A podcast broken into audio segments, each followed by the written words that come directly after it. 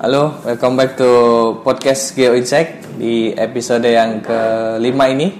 Uh, kita udah main-main ke kali ini di kantornya BKAT Balai Konservasi Air Tanah.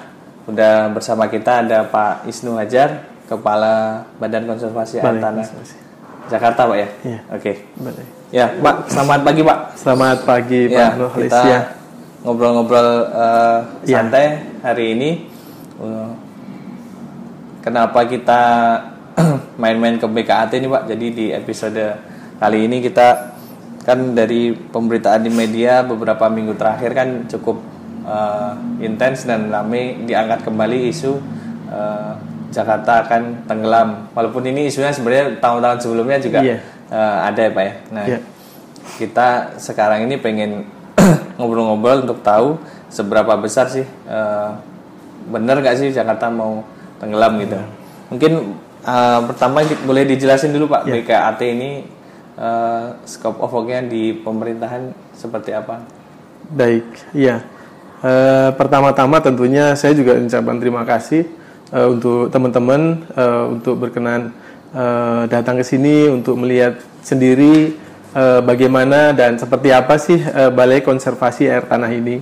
Ya. Jadi eh, Balai Konservasi Air Tanah ini adalah eh, suatu UPT yang ada di bawah Kementerian Energi dan Sumber Daya Mineral eh, di Badan Geologi dan sekaligus eh, di Pusat Air Tanah dan Geologi Tata Lingkungan. Jadi eh, Balai Konservasi Air Tanah ini eh, didirikan sejak tahun 2014 ya dan kemudian eh, sejak tahun 2014 itu kemudian kita sudah melaksanakan beberapa tugas-tugas yang diberikan kepada Balai Konservasi Air Tanah terutama di dalam eh, pemantauan eh, air tanah di wilayah eh, Jabodetabek. Jadi tugas kami ini eh, terbatas di wilayah Jabodetabek. Dan secara teknis kita eh, di samping untuk pemantauan eh, kondisi air tanah, juga kita eh, melakukan penanggulangan untuk eh, dampak dari eh, penggunaan eh, air tanah. Nah, di samping itu kita juga mengembangkan teknologi-teknologi untuk eh, konservasi air tanah juga. Jadi teknologi konservasi air tanah yang kita coba kembangkan antara lain meliputi eh, teknologi pemantauan sendiri, kemudian bagaimana kita membantu pemerintah eh, provinsi dalam hal ini untuk memberikan eh, rekomendasi teknis untuk pengusahaan air tanah. Hmm, oke. Ya, jadi eh, setiap tahun kita kurang lebih eh, 500 rekomendasi air tanah paling tidak kita eh, keluarkan, diminta dari eh, pemerintah provinsi dalam hal ini, terutama yang pemerintah provinsi DKI Jakarta yang lingkupnya paling luas, karena eh, untuk cekungan air tanah Jakarta ini, wilayah kerja ini, wilayah kerja kita ini eh, di samping DKI Jakarta juga meliputi wilayah eh, Jawa Barat juga Provinsi Jawa Barat, di Bekasi dan di Depok, dan kemudian juga meliputi eh, wilayah eh, Provinsi Banten eh, di wilayah Tangerang dan sekitarnya. Nah, tetapi untuk rekomendasi teknis kita masih eh, lebih banyak yang dari DKI Jakarta karena lingkupnya lebih luas dan kemudian eh, untuk penggunaannya pun mungkin di DKI Jakarta kepentingannya lebih banyak gitu ya. Nah, Eh, di dalam eh, kegiatan pemantauan untuk eh, kualitas dan kuantitas ini eh, kita juga eh, setiap tahun melaksanakan kegiatan-kegiatan yang eh, bersifat untuk penanggulangan dampak seperti eh, apa eh, pengukuran eh, geodetik untuk penurunan eh, muka tanah itu Pak Nurholis Oh ya. kira-kira. Jadi cukup eh, kompleks ya Pak ya Eh, apa ya Iya. kerjaannya dan Iya. itu langsung di bawah Kementerian SDM Pak ya. Iya, ini satu-satunya balai konservasi air tanah yang sudah terbentuk untuk wilayah cekungan air tanah Jakarta ini. Seharusnya untuk 421 cekungan di seluruh Indonesia itu eh, dikelola oleh balai, walaupun untuk eh, balai terutama yang kewenangannya di pusat itu adalah eh, cekungan air tanah yang uh, lintas provinsi. Oh, oke. Ya, jadi 421 tidak semuanya lintas provinsi. Ya tadi. Ya, jadi eh, hanya beberapa yang antar lintas provinsi sehingga eh, nanti setelah kita, jadi ini mungkin kita jadikan sebagai role modelnya lah. Kalau memang di sini sudah berjalan baik dan kemudian juga eh, tata kelola dari kegiatan efektivitasnya dievaluasi baik, eh, akan dikembangkan untuk wilayah-wilayah lain di Indonesia juga. Pembentukan balai konservasi di wilayah lain ya. Iya, ya? betul. eh, betul. Ini ini satu-satunya berarti sekarang ada di sini ya pak ya. di Jakarta ya ini karena sekaligus merupakan apa ya komitmen dan tanggung jawab dari Kementerian SDM sebagai instansi pusat yang Oh, iya. memiliki eh, keahlian di sini dan juga eh, kewenangan sesuai dengan PP 121 jadi memang kita di di eh, PP 121 tahun 2015 ya memang kita diberikan kewenangan di sebagai instansi teknis di pusat yang menangani untuk eh, air tanah Oke. ya Baik pak. Eh, di media kan beberapa bulan terakhir ini kan eh, ramai diangkat Iya. isu Jakarta akan tenggelam di tahun 2050. Nah itu benar nggak sih pak? Iya, kalau yang pertama saya sampaikan kalau 2050 mungkin tidak betul. Ya karena proses geologi ini kan berjalan eh, puluhan jutaan tahun ya, seperti kita ketahui bersama. Untuk teman-teman geologis mungkin lebih bisa memahami bahwa proses geologi ini berjalan eh, jutaan tahun dan eh, yang terjadi di Jakarta adalah fenomena subsidence. Dan subsiden ini tidak hanya terutama diakibatkan oleh penggunaan air tanah, tetapi juga seperti kita ketahui kemungkinan ada pembebanan di sini, kemudian juga proses kompaksi yang masih berjalan, kemudian juga eh, mungkin proses tektonik juga yang masih berjalan. Nah, proses-proses geologi yang menyangkut tektonik, eh, kompaksi ini kan eh, jutaan tahun. Kemudian eh, akibat dari eh, penggunaan air tanah yang memang juga eh, prosesnya juga akan perlahan-lahan. Namun demikian seperti kita ketahui sekarang fenomenanya sudah kelihatan, sudah kelihatan. Seperti di wilayah kita di eh, wilayah kantor ini ada semacam sumur pantau untuk penurunan muka tanah ini. Dan di sumur pantau itu terlihat bahwa dari tahun 97 sampai tahun 2004 itu kurang lebih ada 30 cm perbedaannya. Sehingga kalau kita rata-rata ya sekitar 1,6 cm per tahun ada penurunan. Dan ini real karena ada ada pengukurannya ya bukan. Ini data maksud saya bukan analisis bukan ini tapi itu data. Nanti teman-teman bisa lihat di sana juga. Justru di kantor ini malah ada itu ya indikasi itu juga ya penurunan. Iya, ini salah satu. Karena memang seperti yang kita lakukan, kita juga melakukan eh, pemantauan dengan metode geodetik dengan pengukuran paling tidak 100 titik dalam satu tahun ini eh, sudah dilakukan sejak tahun 2015 dan kemudian dari hasil eh, pengukuran itu memang eh, kita eh, buat menjadi satu peta yang memang eh, ada perkembangan dari beberapa tempat memang eh, ada penurunan yang signifikan dan ada beberapa tempat yang memang eh, relatif stabil gitu ya. Jadi penurunan tidak berjalan di seluruh Jakarta, tetapi memang eh, secara eh, umum di Jakarta itu mengalami penurunan. Oke. Gitu. Penurunannya itu seberapa besar pak? Tadi Ya.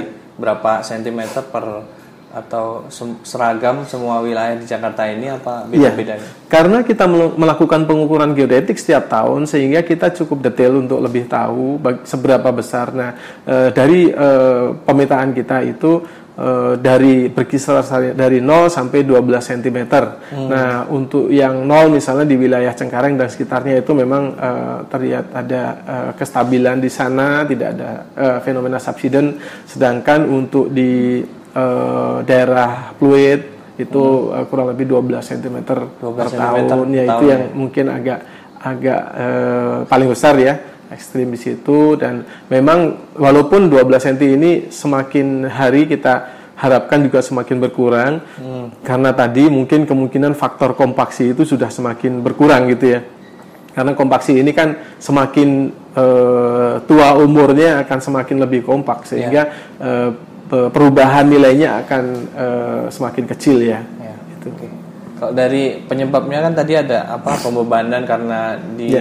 Jakarta ini kan pembangunan begitu eh, masif ya pak ya. Hmm. Jadi eh, penyebabnya dari apa pengambilan air tanah yang berlebihan itu yang paling dominan itu apa menyebabkan subsidennya? Iya, uh, ada penelitian yang mengatakan bahwa untuk air tanah sendiri paling tidak 25% memegang peranan di situ. Sehingga untuk faktor-faktor yang lain kira-kira ya uh, sebenarnya lebih kecil lah, lebih kecil daripada 25%. Seperti tektonik ini kan prosesnya sangat lambat ya, lambat kalau teman-teman geologis tuh bisa lebih tahu bahwa kalau proses tektonik ini berjalannya uh, ribuan tahun bahkan kalau kita mau lihat fenomenanya itu mungkin lebih kecil.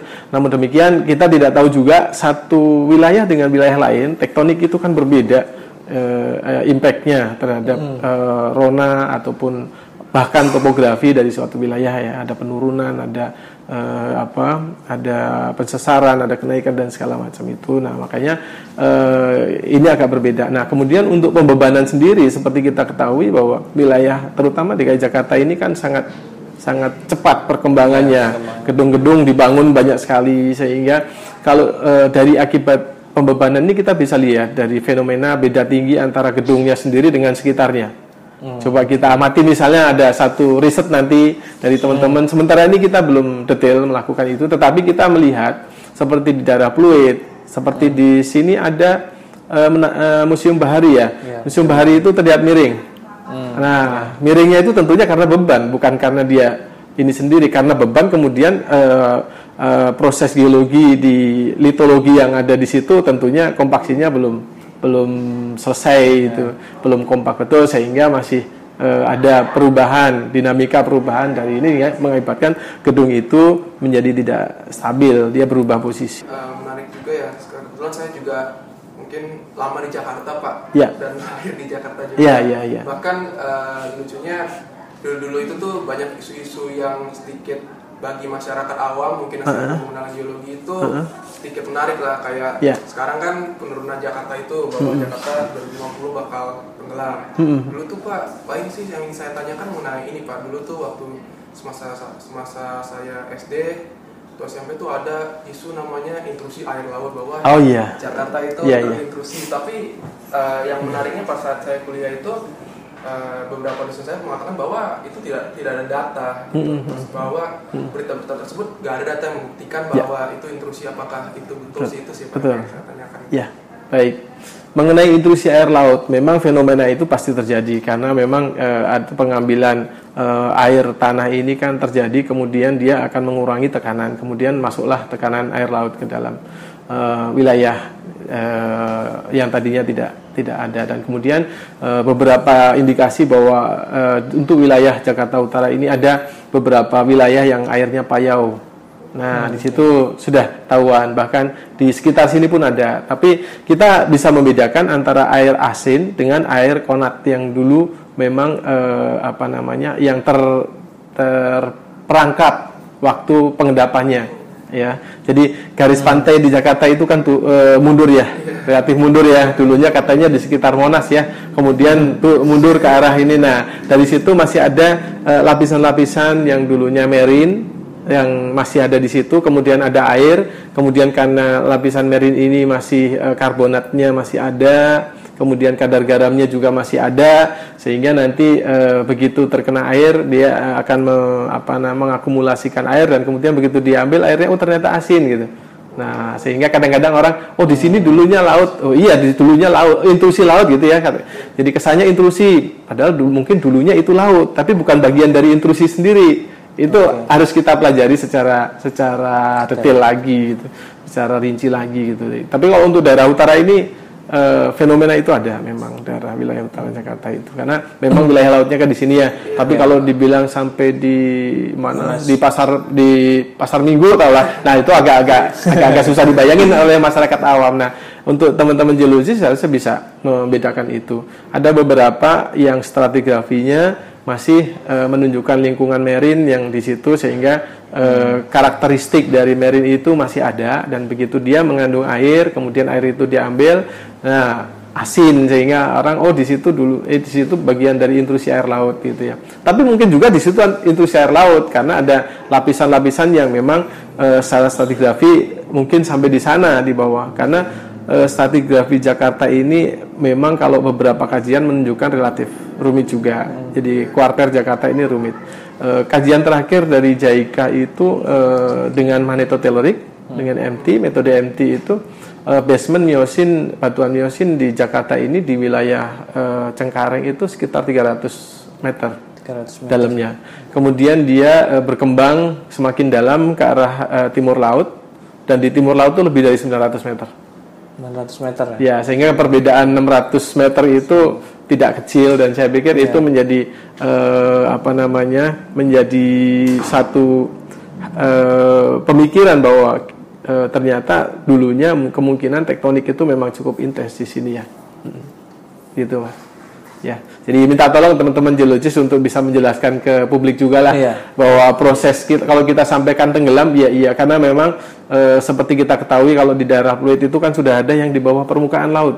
Ya, rumah-rumah. Ya, itu fakta itu ya, di bawah ya. permukaan laut dan lebih dari satu meter bahkan misalnya gitu ya. Hmm. Nah kalau itu berapa tahun kita lihat, nah mungkin nanti berapa tahun lagi akan cukup berkembang terus itu. Ya. ya, jadi tenggelamnya itu bukan seperti langsung tenggelam semuanya gitu tapi mungkin secara berangsur-angsur sejalan dengan proses geologi sehingga kalau proses geologi itu kan makan waktu jutaan tahun namun demikian dari sekarang kita harus aware harus hmm. peduli itu ya dan kepedulian itu ya kita yang teman-teman geologi terutama geologis-geologis muda juga menjelaskan kepada masyarakat bahwa oh yang terjadi itu sebenarnya seperti ini supaya gitu ya. tidak simpang siur ya. Betul ya. Memang pemberitaan seperti itu kadang-kadang perlu juga untuk meningkatkan awareness ya. Ya. kadang-kadang kalau misalnya oh nanti kejadiannya jutaan tahun mungkin orang nggak peduli. Oh saya juga nggak ada gitu kan. Tapi kalau menyangkut ke tadi eh, bahwa kita punya tanggung jawab ke generasi kita ke anak cucu kita tentunya harus ada kepedulian untuk itu gitu Okay. Gitu pak. Baik pak. Untuk kemudian uh, itu kan semua sudah terpetakan sekarang ya pak ya penurunannya yeah. di daerah. Uh, ada sumur pantaunya juga pak ya. Yeah, yeah. Nah itu uh, langkah-langkahnya yang uh, sampai sekarang dilakukan dan ke depannya itu apa aja pak untuk mengurangi uh, walaupun dia akan turun terus setidaknya di terpantau dan mengurangi yeah. laju subsidi. Ya. Yeah. Baik. Jadi untuk uh, air tanah sendiri untuk air tanah sendiri memang e, Balai Konservasi Air Tanah diberikan tugas untuk menyiapkan rekomendasi teknis yang nantinya disampaikan oleh Kepala Badan Geologi atas nama Menteri kepada pemerintah e, provinsi untuk memberikan izin pengusahaan air tanah. Nah ini salah satu bentuk pengendalian. Jadi e, kita mengendalikan penggunaan air tanah. Jadi e, untuk daerah-daerah yang tertentu kita keluarkan dengan kuota tertentu. Dari hasil pemantauan kualitas dan kuantitas air tanah di wilayah uh, cekungan air tanah Jakarta ini, uh, kita membuat namanya peta zonasi konservasi air tanah. Okay. Kemudian di dalam peta zonasi konservasi air tanah itu ada zona rusak yang memang diindikasikan dari kualitas dan kuantitasnya sudah rusak, hmm. sudah ada di bawah ambang batas yang uh, memang uh, standar ya.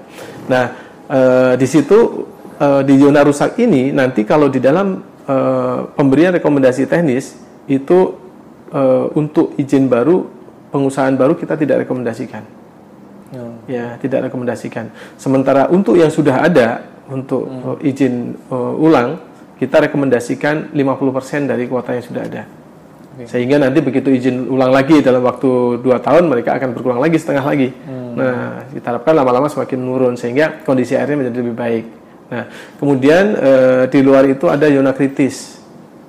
Zona kritis. Ya, zona kritis itu kuota untuk zona kritis itu e, berdasarkan perhitungan kita diberikan rekomendasi e, paling besar 18 meter kubik per hari. 18 per hari. Betul. Nah, kemudian di luar zona kritis itu lagi ada namanya zona rawan ya, Yonarawan. Ini e, memang nanti dikhawatirkan akan akan semakin rusak bila tidak dikendalikan.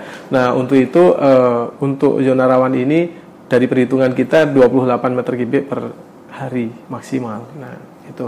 Nah, di luar itu baru yona aman. Hmm, okay. Walaupun yona aman tetap aja semua harus kendalikan juga. Hmm. Ya, untuk yona aman itu maksimal 48 meter kubik per hari. Jadi untuk pemberian rekomendasi teknis sendiri, kita juga memperhitungkan apakah di sana sudah ada jaringan layanan PDAM juga. Hmm. Ya, kemudian jarak antara sumur yang ada yang akan digunakan dengan sumur yang sudah ada maksimal tiga titik, maksimal tiga titik itu harus ada satu sumur pantau yang berdekatan itu ya. Hmm. Itu dalam satu pengusahaan. Gitu ya. Nah, kemudian untuk zona aman ini 48 meter kb per hari hmm. uh, itu mempertimbangkan dari tadi kondisinya bagaimana secara geologis juga kita dari aspek kegeologian ya Kenapa ada di bawah badan geologi itulah makanya karena ya karena ini menyangkut ke bawah permukaan ya. Yeah. Yang lebih tahu ya teman-teman geologis lah. Hmm. Nah, ya. Oke. Okay. Gitu, Pak. Hmm. Kalau teknologinya Pak tadi kan di awal ya, Untuk teknologi konservasi kita mengembangkan uh, pemantauan uh, kuantitas air tanah dengan metode telemetri sekarang. Jadi dari website kita, hmm. website bkat.geologi.go.id itu itu uh, nanti di sana ada uh, grafik dari muka air tanah di satu sumur pantau real time real time, real time. jadi hmm. di situ ada kemudian lognya juga ada hmm. lognya ada sehingga publik bisa tahu oh di sumur pantau ini itu uh, apa kondisi muka air tanahnya sekian gitu hmm. ya jadi ini transparansi juga ya jadi supaya begitu kita berikan rekomendasi itu oh mereka ngecek oh bener ya hmm, ternyata di sini uh, muka air tanahnya sudah ada di bawah di bawah standar sehingga kita harus memang tidak diperkenankan dan segala macam. Nah, itu seperti hmm. itu. Kemudian eh, di samping teknologi untuk kuantitas, kita juga sekarang sedang mencoba mengembangkan untuk kualitasnya secara telemetri juga. Kalau biasanya sekarang kita mengambil sampel, kita bawa laboratorium untuk dianalisa, kita ukur salinitasnya, eh, kita ukur eh, anion kationnya, kemudian uh, apa kita ukur uh, eh, TDS-nya gitu ya. Nah, kalau untuk sekarang kita coba untuk telemetri juga. Jadi begitu ini muncul di sensor langsung te- oh, transmisi ke sini di sini sudah muncul itu. Karena sekarang kan IT yang berperan di situ ya. Hmm. Nah, dengan begitu kita lebih akan mengembangkan lebih banyak karena sebenarnya saat ini kita baru punya kurang lebih 19 sumur pantau di cekungan tanah yang yang dimiliki oleh BKT sendiri. Nah, padahal idealnya di wilayah DKI Jakarta terutama untuk eh maaf cekungan air tanah Jakarta itu 206 206 sumur pantau. Sekarang baru ada 19. 19. Nah, di Pemda DKI sendiri punya 35.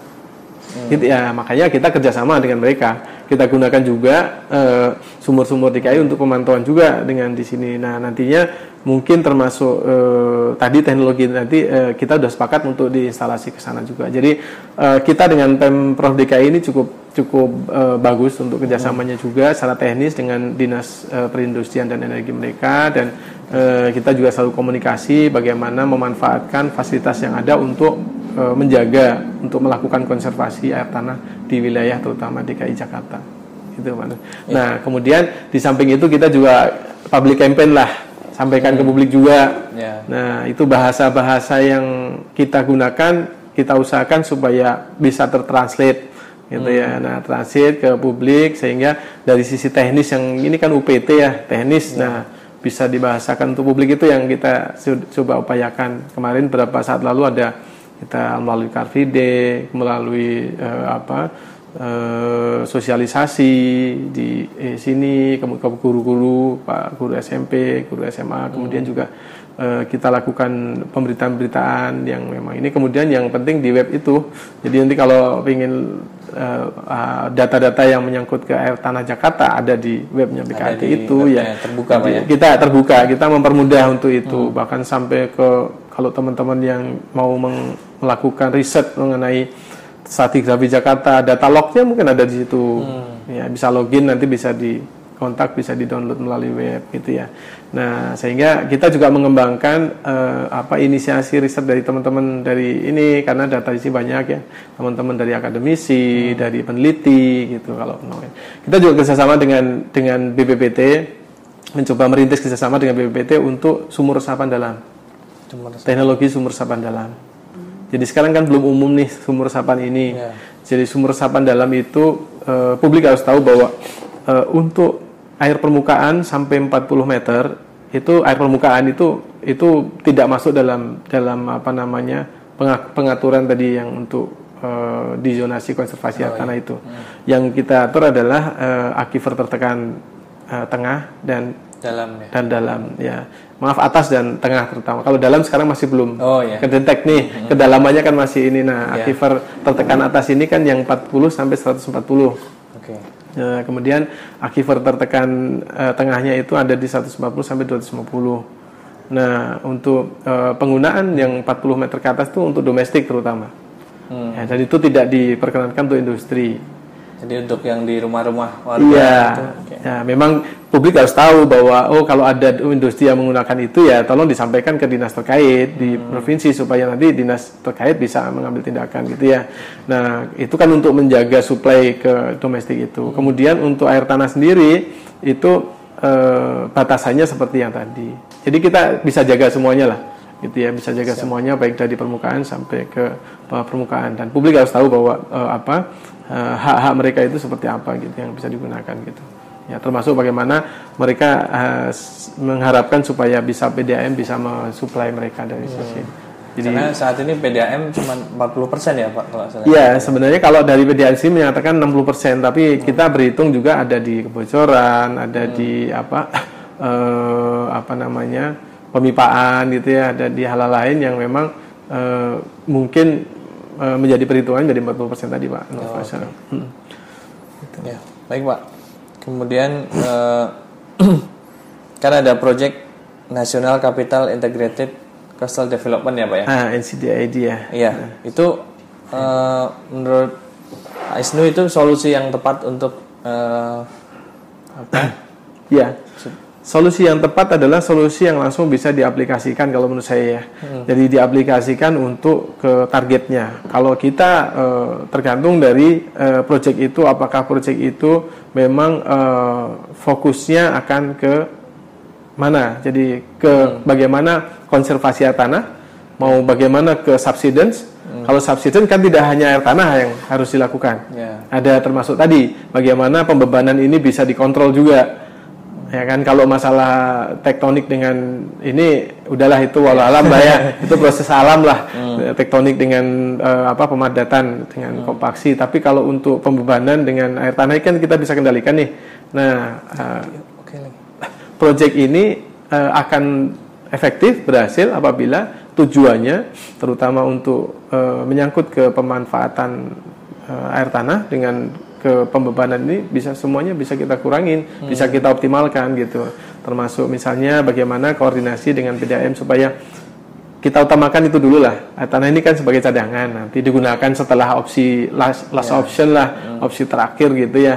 Jadi jangan sampai semua menggunakan air tanah sampai ini hmm. gitu. Kalau NCICD itu kayaknya cuma membangun apa tanggul di pesisir Jakarta ya, Pak ya? Iya, itu itu e, sebenarnya ke arah penanggulangan dampak jadinya kan, ya, ya. penanggulangan dampak tapi tidak preventif. Hmm. Preventif kita kalau misalnya kita juga usahakan dengan pengurangan penggunaan air tanah, kemudian juga pengendalian pembebanan itu baru preventif itu. Tapi kalau itu penanggulangannya langsung penanggulangan ya. Jadi e, apa tergantung dari itunya lah e, spektrum sampai seberapa luas sih uh, maksud dari tujuan ini gitu. Hmm, ya. ya, efektivitasnya hmm. diukur dari situ aja Pak. Ya.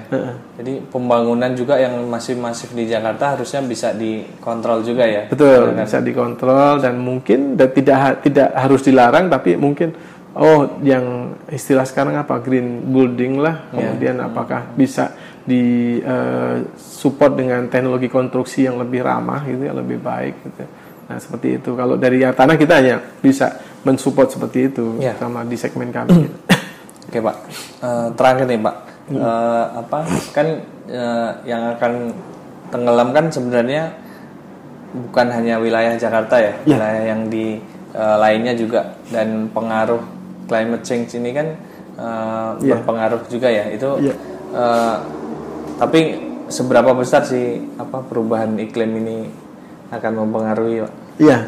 Ya, e, tentunya ini kalau tenggelam itu menyangkut e, perbandingan antara air dengan daratan ya, yeah. perairan dengan daratan. Nah, tentunya ini juga menyangkut tidak hanya Jakarta, saya pikir juga di seperti mohon maaf seperti di Semarang, yeah. gitu. kalau kan kan terjadi juga ya. Jadi climate change ini memang juga e, memiliki andil juga karena memang itu e, berpengaruh terhadap suplai air juga, siklus air juga hmm. di sini yang memang kalau climate change tentunya ada namanya perubahan iklim sehingga Eh, karena air ini salah satu juga uh, apa salah satu komponen dari iklim tentunya perubahan dari iklim akan mempengaruhi perubahan dari keberadaan air. Nah, karena tadi menyangkut ketenggelam itu adalah perubahan antara uh, dua variabel antara air dengan daratan tentunya kalau airnya berubah tentunya juga akan ada perubahan. Nah, itu ada kontribusinya. Kalau logika urutannya kira-kira begitu. Jadi saya yakin juga bahwa uh, perubahan iklim juga mempunyai mempunyai kontribusi juga kalau kita bicara tentang tenggelam ya. Tentang ya. tenggelam. Bukan dalam arti subsiden tapi tenggelamnya itu. Tenggelamnya, ya, kalau ke subsidennya dia nggak nggak ya, punya pengaruh mungkin. tapi kalau ke ketenggelamnya dia mungkin karena ada suplai air yang ada perubahan mungkin bisa berlebih atau bisa berkurang. Di situlah uh, pengaruh climate change terhadap uh, proses penenggelaman satu satu wilayah ya. Jadi kayak ekstrim ya penenggelaman. Pada ya saya ekstrim. Ya, ekstrim gitu ya. Itu yang yang kita tangkap selama ini di, di dari media. Tapi saya saya juga agak ini artinya teman-teman di media juga bagus artinya biar ada kalau positifnya ya, bagi kita awarenessnya lah. Ya. ya awareness. Tinggal ya, kita bagaimana menjelaskan secara ini ke publik itu. Ya ya ada tanya lagi nggak? Dari ya. oke. okay. Baik. Terima kasih uh, Pak Isnu atas uh, ya. kesempatannya untuk bisa berdiskusi uh, hari ini. Ya, uh, semoga ini bisa uh, mencerahkan dan bermanfaat. Jadi kalau ada pertanyaan nanti bisa ke uh, Instagram atau di Twitter GeoInsect at geoinsect.id nanti uh, bisa nanya di situ. Kalau kita nggak bisa jawab nanti ada Pak Isnu nanti Silakan. kita akan sampaikan ya. ke beliau. Ya. Terima kasih. Sampai ketemu di podcast selanjutnya.